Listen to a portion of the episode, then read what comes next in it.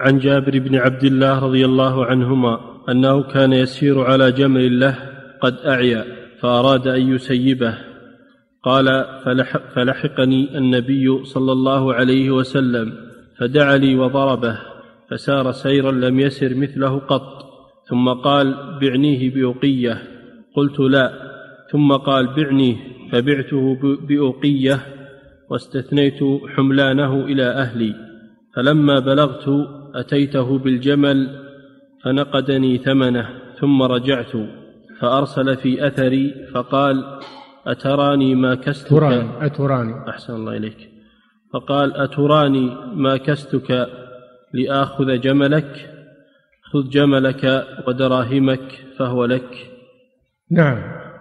هذا الحديث فيه أن جابرا رضي الله عنه كان يسير مع النبي صلى الله عليه وسلم في بعض المغازي.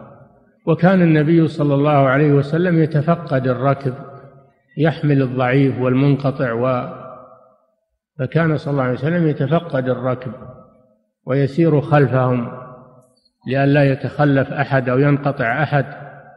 وهكذا قائد الجيش يجب عليه أن يكون يتفقد الجيش ما يروح ويخليهم أو يغفل عنهم. هذا رسول الله أفضل الخلق. عليه الصلاة والسلام كان يتفقد جيشه في المسير فصادف أنه رأى جابرا على بعير قد أعيا يعني تعب البعير عجز عن السير فأراد جابر أن يتركه أن يهمله ويتركه لأنه أصبح لا فائدة فيه. فالنبي صلى الله عليه وسلم دعا لجابر دعا لجابر رضي الله عنه وضرب البعير حتى سار سيرا لم يسر مثله. وهذه معجزة من معجزات الرسول صلى الله عليه وسلم حيث إنه ضرب هذا البعير الهزيل الذي لا يقدر على المشي فأصبح يسير من أحسن من أحسن الإبل. هذه معجزة من معجزاته صلى الله عليه وسلم. ثم قال له بعنيه هذا فيه أن أن لولي الأمر أنه يشتري من أحد الرعية إذا كان في ذلك مصلحة إذا كان في ذلك مصلحة وليس فيه محاباة. قال بعنيه فجابر امتنع بالأول لأنه الرسول ما أمره أمر يعني أمر تشريع وإنما أمره أمر أمره أمر غير تشريع طلب البيع والشراء. أما لو أمره أمر تشريع وما كان لمؤمن ولا مؤمنة إذا قضى الله ورسوله أمرا أن يكون لهم الخيار فكون جابر امتنع هذا دليل على أن هذا الأمر ما هو بأمر تشريع وإنما هو أمر عادي وعرض. الرسول عرض عليه عرضا أن يبيعه عليه. في الأول أبى فقال بعنيه بأوقية يعني من الذهب والأوقية 12 درهم فباعه. على الرسول صلى الله عليه وسلم بأوقية لكن جابر اشترط أن يحمل عليه إلى المدينة. هذا محل الشاهد من الحديث. ففيه جواز البيع والشرط. وأن للبائع أن يشترط أن يسكن الدار مثلا شهرا أو سنة وأن يحمل على السيارة إلى محل كذا يبيعها ويشترط أنه يحمل عليها إلى محل كذا وكذا. فيجوز للبائع أنه يشترط على المشتري نفعا في المبيع. نفعا في المبيع. سكن دار ركوب دابة ركوب سيارة حمل عليها. لا بأس بذلك. هذا محل الشاهد من الحديث. ففيه دليل على جواز البيع والشرط. لأن جابرا اشترط على الرسول صلى الله عليه وسلم أن يحمل على هذا البعير إلى المدينة فالرسول أعطاه ذلك.